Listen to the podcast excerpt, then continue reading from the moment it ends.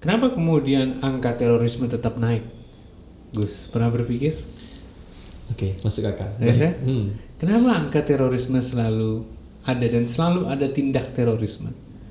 Karena memang ada satu propaganda yang mereka terima, gitu. Propaganda ini bisa saja em, apa eh, menafikan sistem negara yang ada sekarang, gitu. menganggap ini buruk dan harus diganti, gitu.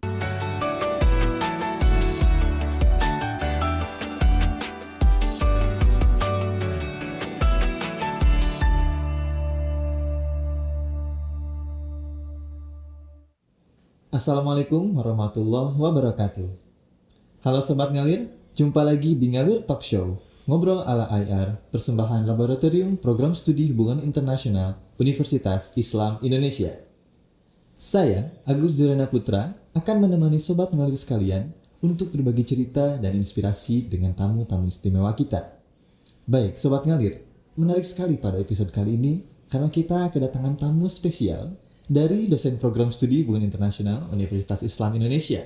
Beliau adalah dosen yang mengajar mata kuliah pengantar diplomasi, praktik diplomasi, dan segalanya yang berkaitan dengan diplomasi. Siapa lagi kalau bukan Mas Muhammad Reski Utama. Kita sapa terlebih dahulu. Assalamualaikum Mas Uta. Waalaikumsalam warahmatullahi wabarakatuh. Apa kabarnya Mas. Uta? Alhamdulillah baik. Agus gimana kabarnya? Alhamdulillah baik juga. Ini kita manggil, saya manggilnya Mas aja mungkin. ya. Mas aja. Mas aja. Kebetulan kita di Jogja. Iya di Jogja. Kalau di Bandung Kalau di Bandung, aja. Oke, baik. Mas gitu. Baik, Mas Uta. Eh, seperti yang tadi saya sampaikan, eh, Hmm. Eh, sobat ngalir ini Mas Uta ini ahlinya dalam bidang diplomasi. Hmm. Jadi tentu eh, pada episode kali ini kita akan lebih dalam membahas tentang diplomasi. Eh, namun sebelum itu kita tahu bahwa eh, diplomasi ini saat ini selalu berkembang dari dulu yang mungkin eh, state to state yang sangat resmi pemerintah ke pemerintah kita mungkin sekarang identik dengan atau mengenali istilah yang disebut diplomasi publik. Mhm. Eh, bagaimana ada peran publik di sana, tidak hanya peran pemerintah, tapi juga eh, ada publik yang menjadi sorot utama dari diplomasi ini. Dan eh, berbicara mengenai diplomasi publik, mungkin kita juga sedikit tipis untuk mendengar kata propaganda, karena mungkin itu eh, sulit untuk dibedakan. Namun nanti kita akan membahas mengenai itu. Eh, sebelum itu, Mas Uta, eh, kita tahu bahwa eh, di zaman ini eh, perkembangan teknologi itu sangat masif Ya betul kan sekali. eh, sejak Betul sekali. dalam hitungan beberapa tahun saja eh, kita sudah bisa mendapatkan akses internet secara Hmm. yang yang yang mungkin waktu itu eh, akses internet itu hanya di- eh, digunakan oleh orang-orang yang sudah memiliki kekayaan yang lebih. Hmm. Tapi namun saat ini yang mungkin bahkan kalangan menengah juga, kalangan bawah juga sudah bisa menikmati internet. Gitu. Bahkan sobat ngalis saya yakin sudah memiliki satu at least perangkat digital yang bisa menonton episode ngalis saat ini melalui kanal YouTube uh, Department of International. Relations UII. Nah, uh, dengan adanya perkembangan teknologi ini Mas Uta uh, dan Hmm. tentu kita saat ini uh, berbicara mengenai diplomasi, diplomasi publik, propaganda, Hmm. uh, mungkin pasti ada yang namanya pengaruh terhadap uh, diplomasi publik dan propaganda tersebut. Mm-mm. Namun sebelum itu, Mas Uta, Ya. eh, saya ingin bertanya, eh, barangkali ada sobat ngalir yang juga belum mengerti Hmm. apa sih perbedaan dari diplomasi publik dan propaganda itu sendiri. Oke. Baik. em, mungkin saya awali dari eh, sebenarnya perkembangan dari telekomunikasi ya. Em, perkembangan dari telekomunikasi ini membuat eh, ketika diplomasi publik, contohnya eh, bukan eh, tidak hanya ada satu institusi diplomasi publik gitu, tapi kemudian bisa hanya menggunakan satu platform gitu, apakah Instagram gitu atau mungkin Facebook. Nah, em, banyaknya kemudian sosial eh, media sosial dan kemudian juga eh, media platform yang lainnya yang memungkinkan menjadi kanal yaitu seperti YouTube contohnya. Nah, ini membuat diplomasi publik itu makin mudah dilakukan. Tapi mungkin gini, kalau bagi eh, yang menonton yang belum tahu apa sih itu diplomasi publik. Jadi diplomasi publik itu adalah diplomasi yang mana dilakukan oleh satu negara, namun aktornya itu bukan adalah sebuah negara, tapi publik di satu negara. Maka dinamakan diplomasi publik. Nah, kanal-kanalnya pun bisa beraneka ragam dalam diplomasi publik. Tapi kalau kita melihat sekarang itu bisa menggunakan media sosial, bahkan bisa menggunakan platform seperti uh, YouTube, Facebook gitu untuk atau Instagram untuk um, menjadi platform diplomasi publik mereka gitu. Nah, tadi kan Agus bilang oh ini sedikit perbedaannya tipis dengan propaganda gitu. Nah, kemudian apa sih perbedaannya? Nah, perbedaannya sebenarnya Dua-duanya sama-sama mencoba untuk um, mencoba untuk me, uh, mempengaruhi publik di satu negara. Namun kita bisa bilang begini, ketika uh, diplomasi publik itu mencoba untuk memberikan citra positif dari satu negara, Sementara ketika propaganda dia bukan hanya membangun citra positif tapi juga membuat citra negatif terhadap negara lain. Gitu. Jadi saya ambil contoh tadi misalnya uh, ada negara X dia uh, memberikan eh, materi-materi uh, ke Indonesia, materi diplomasi publik. Mm -hmm. Kalau misalnya itu diplomasi publik bisa saja uh, misalnya hidup di negara ini banyak terjamin, uh, pendidikan tuh uh, banyak dan sangat besar bagi orang Indonesia jika ingin beasiswanya uh, apa mendapatkan beasiswa dari negara tersebut hmm. gitu. Tapi kan di belakang itu nanti ketika orang ini mendapatkan beasiswa dia akan mendapatkan pelatihan, paradigma dan sebagainya dan itu akan mengikuti dari negara X gitu misalnya seperti itu nah itu diplomasi uh, publik gitu karena mencoba memberikan citra positif namun ketika propaganda maka negara X ini bisa mempengaruhi uh, apa publik di Indonesia untuk tidak menyukai negara Y yang mana X itu sedang berkonflik atau berperang dengan negara Y. Hmm. Nah, itu sering terjadi. Tapi tidak hanya di situ sebenarnya. Hmm Begitu juga penyebaran ideologi. Nah, penyebaran ideologi itu dilakukan dengan cara propaganda, bukan hanya lintas negara gitu ya. Kadang propaganda ini dilakukan oleh aktor di dalam negaranya itu terhadap orang-orang yang ada di negaranya sendiri gitu. Jadi saya bisa bilang propaganda itu sering menggunakan seperti ini skemanya. Hmm. Satu pemimpin kepemimpinan yang um, authoritarian tapi populis. Okay. Nah, apa tuh maksudnya? ya, sudah Agus sudah ketawa-tawa nih. Oke, okay. um, jadi adalah sebenarnya pemerintahan ini tuh otoriter gitu. Tapi rakyat cinta sama dia. Yeah. Gitu. Jadi apa yang dilakukan dan diputuskan oleh pemerintah kemudian tidak terlalu mendapatkan pertentangan dari rakyatnya. Hmm. Gitu. Itu yang pertama. Yang kedua, adanya eh, nasionalisme sebagai satu narasi. Okay. Gitu. Jadi ketika ada satu permasalahan, oh ini demi negara kita, ini demi uh, masyarakat kita, kepentingan kita, gitu. Nah, kemudian yang ketiga nih setelah nasionalisme itu tentunya um, balik lagi ada kanal-kanal yang digunakan oleh pemerintah di satu negara tersebut. Dan umumnya kalau sekarang uh, tergantung di negaranya. Kalau misalnya di Amerika dengan Twitter kita bisa me melihat dari ketika uh, pemilu Donald Trump melawan uh, Hillary Clinton itu seperti apa kemudian banyak uh, apa narasi-narasi yang diberikan itu kemudian oh ini uh, white genocide gitu anti imigran gitu anti drugs gitu yang kemudian ini membuat orang-orang uh, jadi merasa bahwa dirinya harus make America great again hmm, gitu jadi kadang propaganda itu bukan hanya dilakukan oleh negara lain ke satu negara hmm. tapi juga oleh pemerintahnya untuk negaranya sendiri. Itu kan sesuatu yang kalau kita lihat di Korea Utara bentuknya poster. Yeah. Ya kan sering kita lihat oh poster-poster nasionalisme Korea, Korea Utara. Sementara kalau di eh, negara-negara lain yang umumnya lebih terbuka dengan media segala macam itu ada bentuk-bentuk lainnya. Baik. Gitu. Terima kasih Mas. Menarik bukan? Jawabannya. Betul. Menarik, menarik sekali. Karena uh, jadi semakin sulit itu untuk mengidentifikasi apakah ini sebenarnya diplomasi publik atau propaganda. Gitu. Apalagi misal kita mempunyai uh, ibaratnya uh, kebencian terhadap Wah, suatu negara itu terkadang sekali. sulit gitu untuk melihat apakah ini diplomasi publik atau propaganda gitu. Jadi Iya. terkadang kita harus mencoba untuk menetralkan diri terlebih dahulu gitu untuk melihat suatu eh, berita gitu supaya ini tidak dianggap sebagai propaganda atau- ataupun eh, sebaliknya gitu. Betul. Tapi menarik Mas Uta Em, Mm-hmm. eh, mengenai hal tersebut eh, kan sulit nih untuk me- mengidentifikasi hal hal tersebut. Eh, menurut Mas Uta apa upaya supaya kita bisa mewaspadai propaganda-propaganda yang ada di eh, dunia digital saat ini? Oke, baik kalau kita membahas tentang suatu hal yang harus diwaspadai sekarang banyak sekali. Betul. Karena gini, sekarang eh, dunia ini ya setelah perang dingin usai itu secara masif berubah gaya perekonomian dunia itu menjadi ke arah neoliberal gitu. Yang mana ini akan sebenarnya mendukung proses investasi.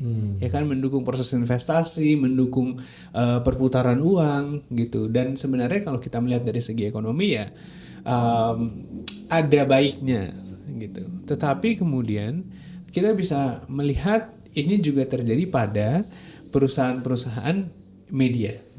Nah, perusahaan media membutuhkan uang ya butuh investment gitu. Dan kemudian kita harus melihat kalau dari media yang ada sekarang kita harus melihat siapa ownernya. Nah, seperti apa pembagian sahamnya. Dari situ kemudian kita bisa melihat seberapa kuat eh, voting power dari seorang pemiliknya. Saya ambil contoh misalnya Mark Zuckerberg dengan eh, 80% kepemilikan di Facebook dan dia punya voting power sebesar 60% gitu, maka kemudian keputusannya dia menjadi lebih eh, apa? menjadi lebih dominan di dalam Facebook. Gitu. Nah, kita harus melihat eh, bahwa semua media seperti itu.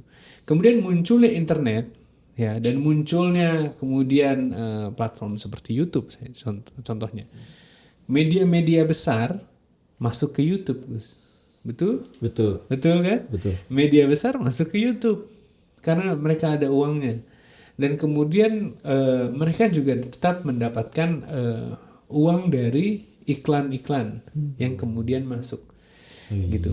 Nah, di sini kita melihat nih, oh ternyata media besar masuk juga. Meskipun Nah, ini menarik nih.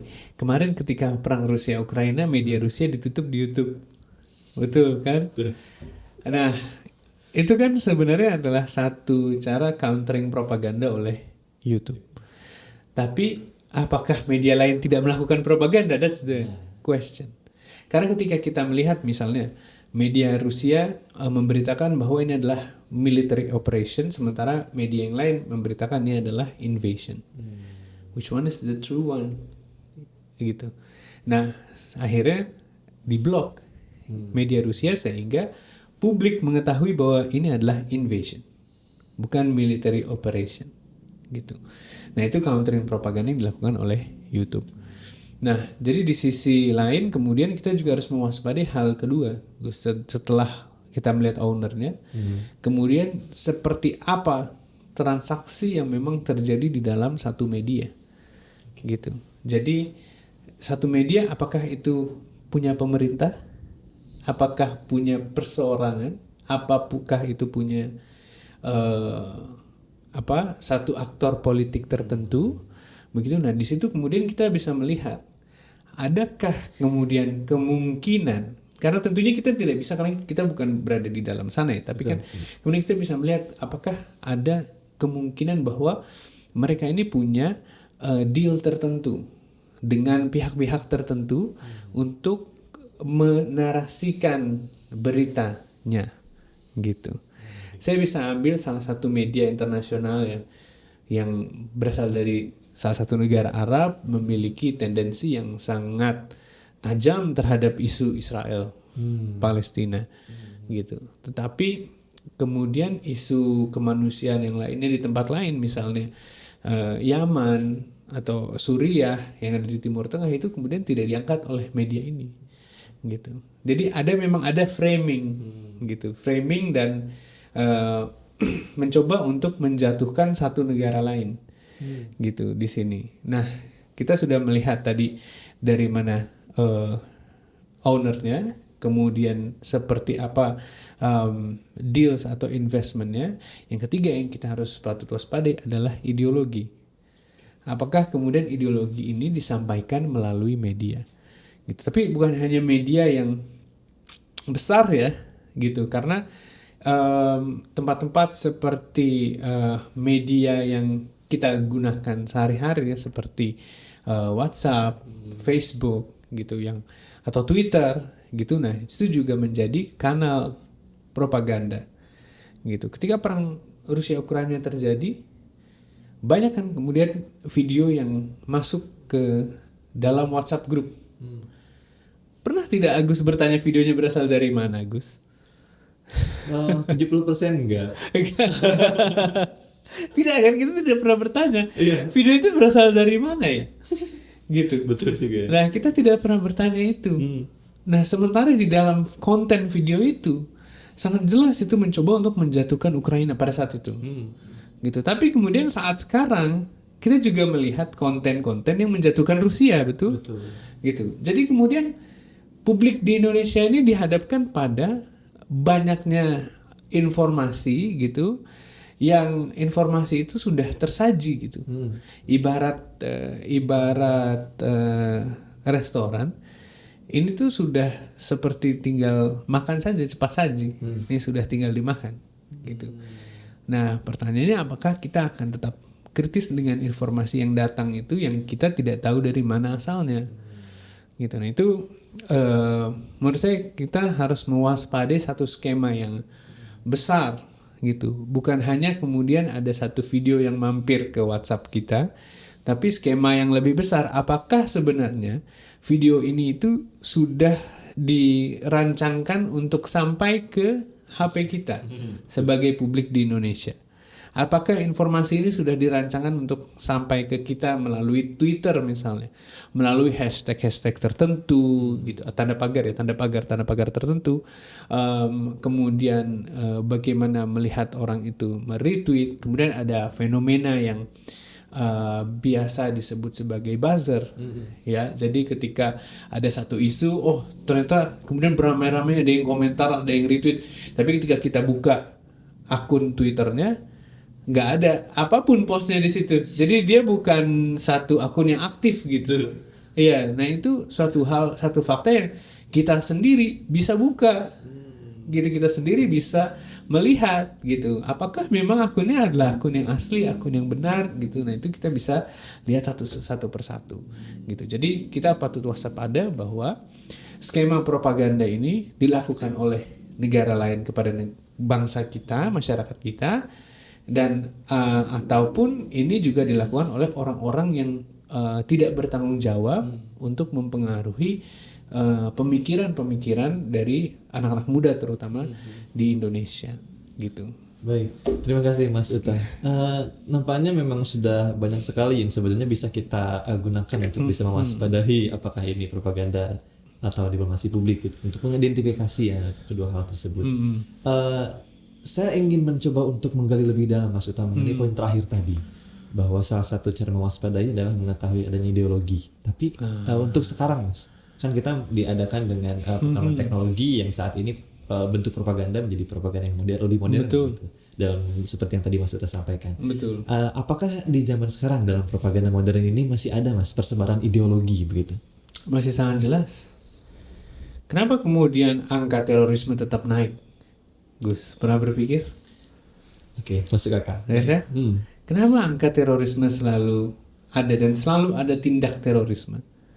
Karena memang ada satu propaganda yang mereka terima, hmm. gitu. Propaganda ini bisa saja um, apa uh, menafikan sistem negara yang ada sekarang, gitu. menganggap hmm. ini buruk dan harus diganti, gitu. Tanpa adanya sebenarnya yang yang biasa dipengaruhi adalah aspek emosional dari biasanya anak-anak muda yang umur 19 sampai 20-an tahun awal. Hmm.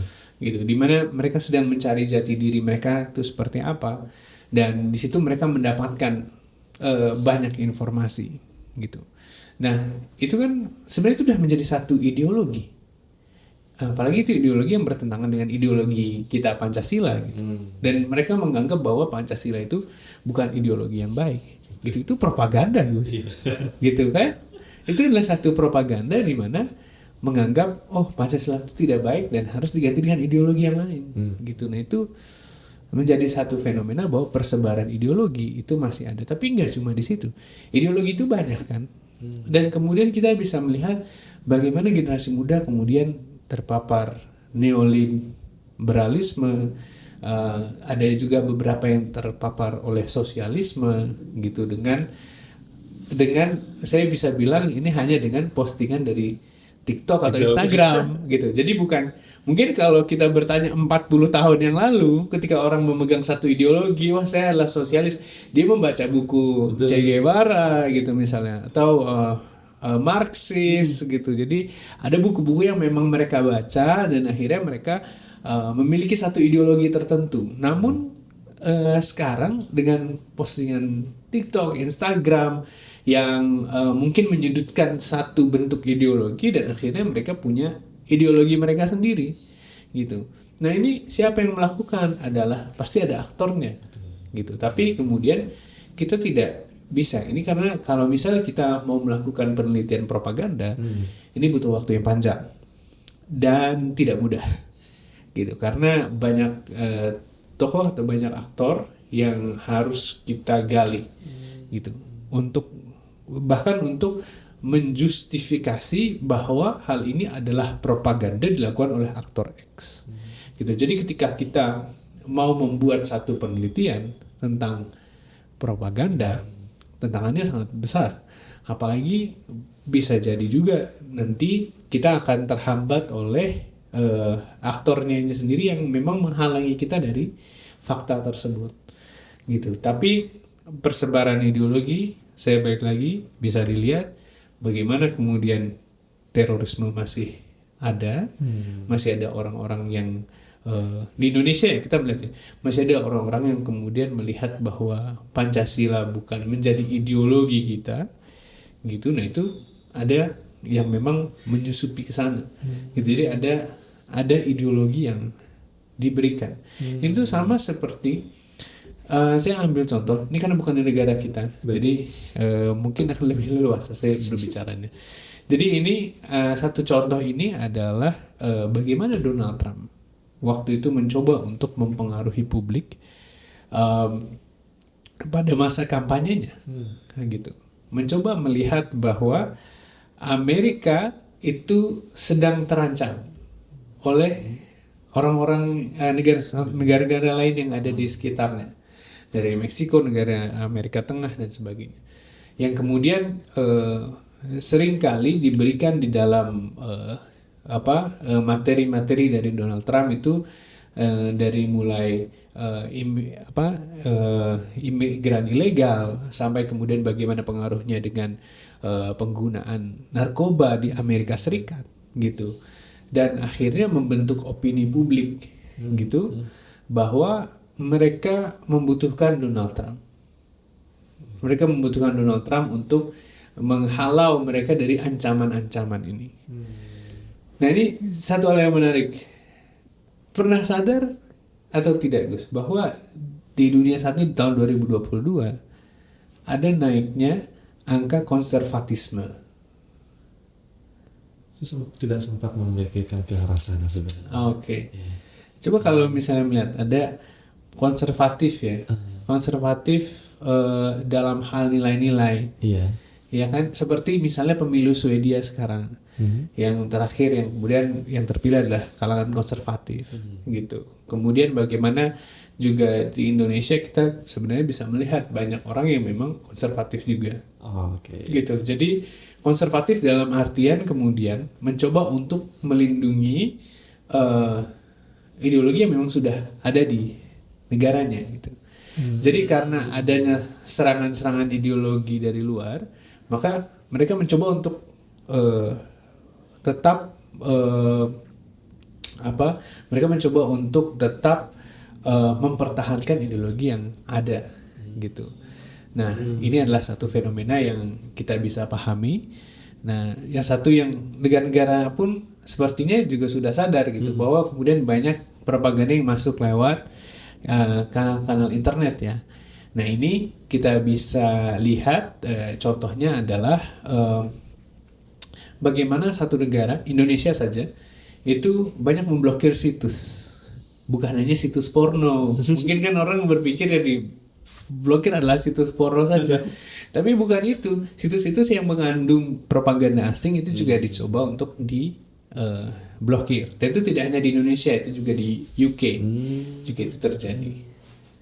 Baik. Tapi nampaknya semakin sulit Mas Uta karena se- kalau tadi memang semakin banyak kanal yang digunakan gitu. Hmm. Bahkan targetnya eh, propaganda itu apalagi yang berbentuk ideologi yang persebaran ideologi begitu ya. Kan targetnya adalah emosi gitu. Iya, Itu kan yang emosinya yang masih sta- eh, kurang stabil apalagi anak muda sekarang. Betul. Bahkan mereka dicoba untuk apa ya di, di cover atau dibungkus dengan eh, apa dengan eh, frame yang lebih halus, frame yang lebih eh, menarik bagi anak muda yang bahkan kita nggak sadar gitu, Iya. nggak sadar terhadap hal itu gitu. Saya rasa malah itu semakin semakin sulit gitu saat ini untuk bisa eh, memfilter hal tersebut. Tapi maksudnya mengenai- eh, berkaitan dengan cara memfilter informasi. Sebelumnya mungkin eh, kita sudah banyak ngobrol, boleh diminum dulu mungkin ininya. terima kasih Baik. ya Saya ragu dengan ini. Nampaknya ini tidak ada airnya maksudnya. Tapi tidak saya mengiyakan sih saya minum dulu di sini ya. Baik, terima kasih. Oke. Eh, ini menuju ke pertanyaan terakhir Ya. maksudnya. Eh, se- eh, mengenai beberapa fakta tadi melihat bagaimana eh, kita menjadi sulit gitu untuk bisa eh, mengkontrol atau memfilter eh, propaganda ataupun informasi yang ada. Eh, apa pendapat Mas Uta atau menurut Mas Uta bagaimana kita bisa memfilter informasi pada zaman modern saat ini untuk bisa menghindari propaganda yang ada? Oke, sebenarnya satu dari saya tabayun. Baik. Iya, kita harus bertabayun terhadap berbagai macam informasi yang hadir pada kita, berbagai macam eh, kemudian nilai-nilai yang eh, juga masuk ke dalam eh, gadget kita, apa saja itu yang masuk melalui Instagram, apalagi sekarang algoritma Instagram tidak bisa dipertanggungjawabkan lagi karena itu sudah eh, berbasis pada algoritma, berbasis pada sesuatu hal yang memang sekiranya menarik bagi eh, pengguna gitu dan itu tidak bisa kemudian kita filter. Eh, tapi kita bisa memfilter itu dengan cara kita filter sendiri gitu. Ini informasi yang datang kepada kita apakah ini informasi yang benar? Apakah ini informasi yang sahih gitu. Nah, kita harus bertabayun. Bagaimana caranya? Coba untuk mencari memang berita itu di kanal-kanal berita yang lain gitu. Tapi ketika kita apa melihat bahwa eh, ada satu berita yang kita dapat di Instagram, kita coba cari beritanya, cobalah cari dari beberapa sumber media. Kalau bisa tadi karena owner itu menjadi penting, Baik. jadi dari yang berbeda owner, berbeda sudut pandang medianya, sehingga kemudian kita bisa menemukan benang merahnya. Di mana seperti apa sih kemudian fakta yang memang terjadi? Gitu. Seperti apa? Dah kalau bisa kalau misalnya itu media eh, apa eh, mengenai hal-hal yang ada di luar sana, ya kejadian yang terjadi di luar negeri, kita bisa langsung mencari media dari luar juga.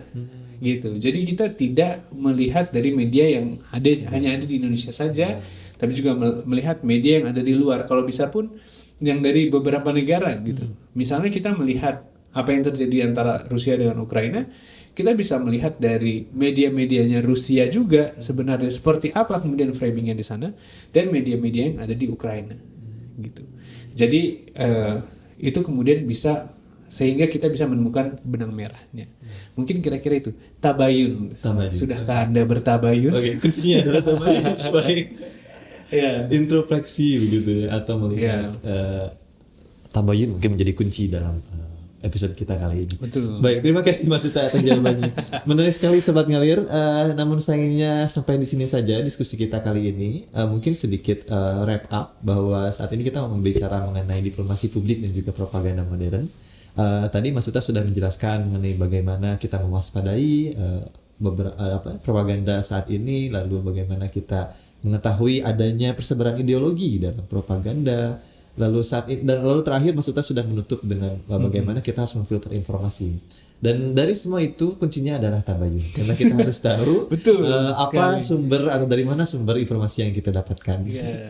Baik, terima kasih sebelumnya Mas Uta Sama-sama, sudah bisa uh, menghadiri uh, ngalir talk show pada episode kali ini. Uh, semoga kita bisa berkolaborasi lagi di episode mendatang. Amin, amin.